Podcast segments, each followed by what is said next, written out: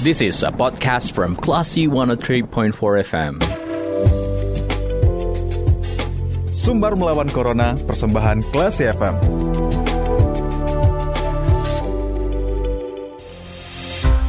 empat Kelas FM, this is the actual radio. Kelas People, saya tidak mencermati sumber melawan Corona, persembahan radio Kelas FM bersama Sidita Indira. Nah, Kelas People di bulan Ramadan tahun ini, kita masih menjalankannya di masa pandemi ya. Lalu hal-hal apa saja nih yang perlu kita perhatikan agar kita bisa memaksimalkan bulan Ramadan ini walaupun di tengah pandemi. Dan untuk mendiskusikan hal itu saya sudah terhubung via line telepon bersama dengan dokter spesialis kejiwaan dari Semen Padang Hospital. Ada Dr. M. John Ibrahim, SPKJ. Kita sapa dulu. Assalamualaikum Dr. John. Waalaikumsalam warahmatullahi wabarakatuh. Ya. Gimana kondisinya hari ini dok? Sehat ya? Alhamdulillah sehat. Alhamdulillah. Nah dok, um, Ramadan di tahun ini kan kita masih di pandemi ya dok ya, dan tinggal beberapa hari lagi kita akan menjalankannya. Bagaimana nih dok, agar kita tetap sehat, terhindar dari paparan COVID dan tetap bisa menjalankan ibadah puasa walaupun masih pandemi ini dok?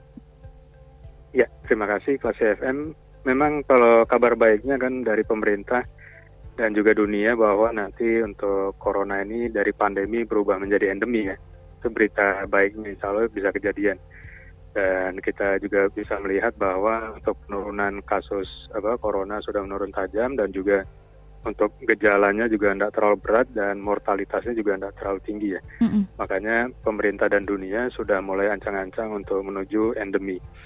Nah kemudian eh, apa kita mau menyambut Ramadan eh, apa tinggal tunggu dari pemerintah tanggal resminya tanggal berapa Nah, kalau memang tanggal 2 atau tanggal yang lainnya, ya berarti kita mempersiapkan diri dari sekarang untuk uh, apa berpuasanya.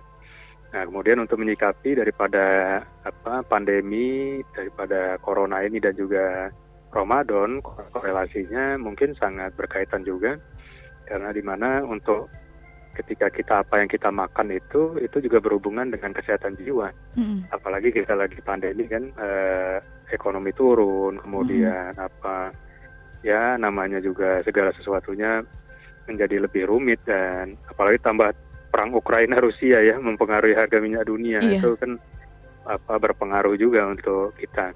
Nah sekarang kita dengan Ramadan ternyata itu jadi obat juga. Jadi kalau dikorelasikan eh, kita berpuasa itu kalau di apa kedokteran jiwa disebut juga hubungan daripada brain eh, gut gut itu GUT ya usus mm -hmm. dan juga uh, aksis ya. Jadi aksis atau hubungan antara apa kesehatan perut dengan otak kita. Contohnya adalah beberapa makanan kita bisa berpuasa berarti kita bisa detoksifikasi dari beberapa makanan yang yang tidak baik dan juga tidak sehat. Kemudian juga kalau yang suka makan coklat atau bagaimana yang manis-manis, yang terlalu manis juga bisa kita kurangi. Sehingga uh, ketika kita bisa mengurangi makanan yang junk food itu juga mempengaruhi kepada emosi kita, kepada pikiran kita, kepada apa namanya pikiran, perasaan dan perbuatan kita.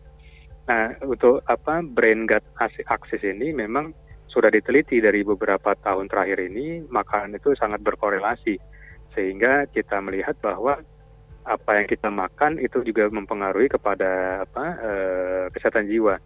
Nah, di situ kita berarti mulai memahami nih untuk terbuka rahasia-rahasia puasa itu ternyata sangat bermanfaat. Jadi kalau puasa ini kan nggak hanya umat Islam, apa agama Kristen juga ada, mm-hmm. agama apa Buddha juga ada, Hindu juga ada. Dan kalau kita sebagai Muslim adalah mempercayai untuk apa puasa Ramadan ini adalah juga sebagai obat seperti itu.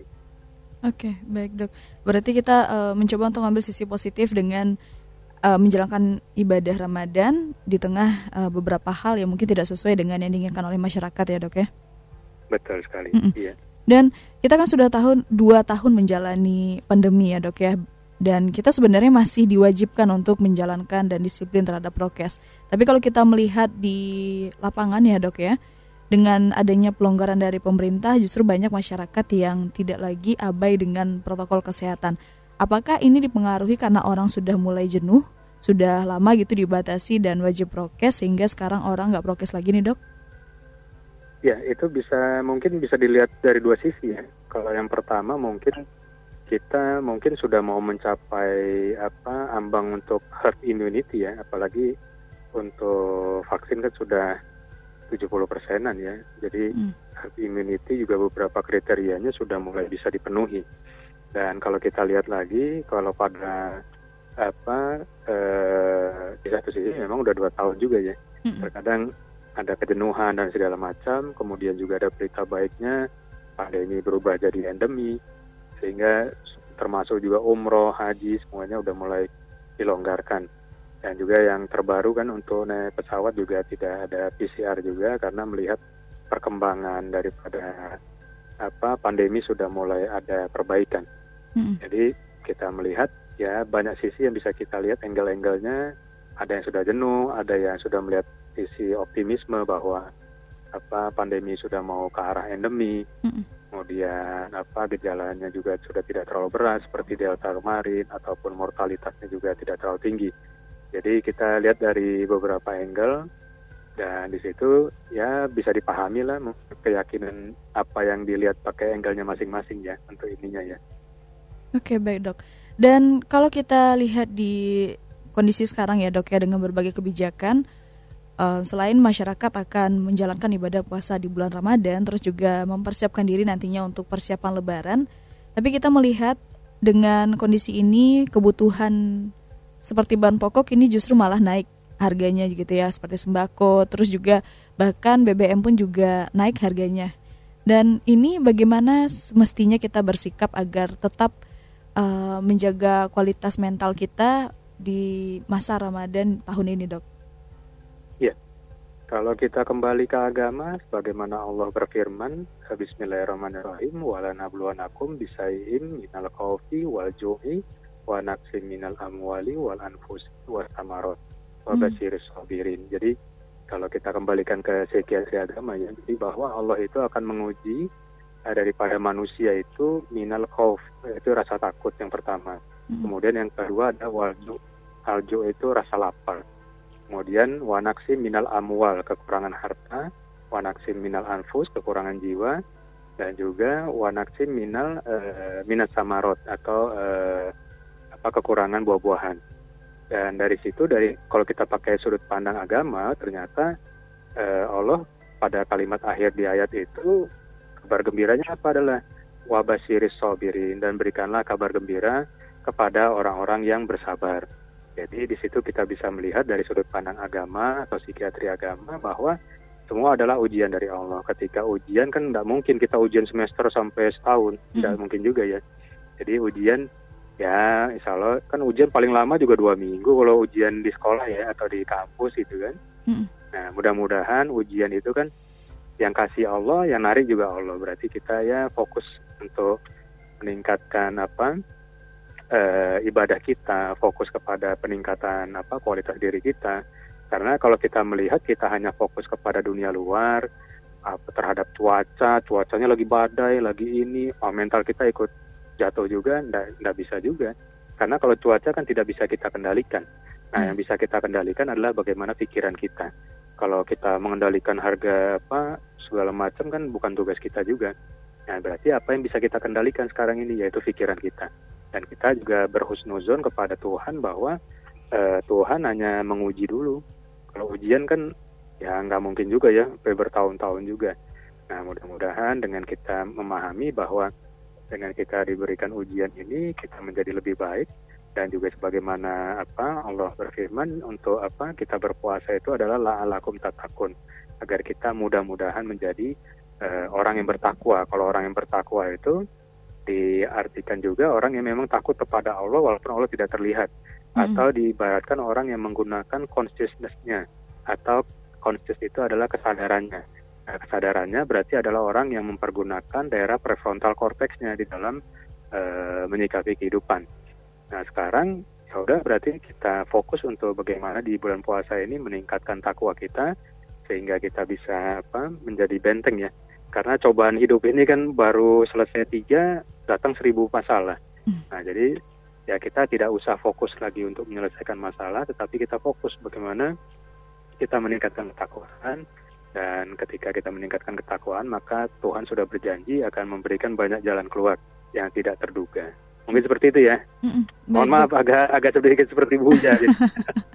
Nggak apa-apa dok, kita di sini berbagi pandangan dan terakhir nih dok, eh, sekaligus juga closing statement juga di perbincangan kita di sore hari ini. Apa pesan yang ingin dokter tekankan kepada masyarakat atau pendengar kita saat ini dalam menjalankan ibadah Ramadan walaupun masih di tengah pandemi? Eh, kita sekarang eh, menyadari bahwa hidup ini cuma sementara ya. Hidup di dunia sementara, jarang juga orang umur sampai 100 tahun dan segala macam. Berarti ketika kita melakukan kontemplasi atau perenungan diri ke dalam, itu lebih apa membuat kita lebih dewasa juga untuk melihat dunia ini. Karena kalau kita fokus kepada zaman yang memang disrupsi, banyak perubahan, penuh dengan ketidakpastian, penuh dengan cobaan, penuh dengan apa fitnah dan segala macam. Kalau kita fokus ke situ mungkin ya kepala kita bakal pecah juga gitu. Mental kita akan jatuh. Mm-mm. Nah, sekarang ketika kita pindahkan fokus kita kepada peningkatan diri kita, peningkatan keimanan kita melalui puasa. Nah, itu lebih fokusnya lebih pas. Jadi kalau kita hanya fokus kepada masalah, karena kita bukan apa-apa, satu masalah kita selesaikan, seribu masalah datang. Jadi sampai kita mati pun itu masalah turut apa beruntun aja itu datang dalam kehidupan. Nah sekarang fokus saja apa yang bisa kita rubah yaitu bukan masalahnya yang silih berganti dan cuaca yang selalu berubah-ubah, tapi pikiran kita aja dulu kita rubah yang bisa kita kendalikan. Sehingga kita tidak salah fokus di dalam apa eh, melihat kehidup- kehidupan ini karena kehidupan ini ya ya apalagi zaman sekarang nih zaman yang penuh tidak kepastian ketidakpastiannya sangat-sangat tinggi sekali jadi fokus saja kepada yang kita bisa kendalikan yaitu pikiran kita mudah-mudahan melalui puasa bisa kita apa la lakum tatakun semoga menjadi eh, apa eh, orang-orang yang bertakwa Oke baik dok. Terima kasih dokter sudah meluangkan waktu ya untuk berdiskusi Ya, bersama sama-sama. kita di sore hari ini. Selamat melanjutkan aktivitas dok. Assalamualaikum. ya waalaikumsalam warahmatullahi Baik, Classy People, demikian perbincangan kita bersama dengan dokter spesialis kejiwaan dari Semen Padang Hospital, ada Dr. M. John Ibrahim SPKJ, terkait dengan beribadah Ramadan di tengah pandemi. Kalau gitu saya Dita Indira, kita ke program selanjutnya. Terima kasih. Anda sudah mencermati program Sumber Melawan Corona. Cermati podcast obrolan ini di www.classfm.co.id atau download aplikasi Classy FM. This is a podcast from Classy 103.4 FM.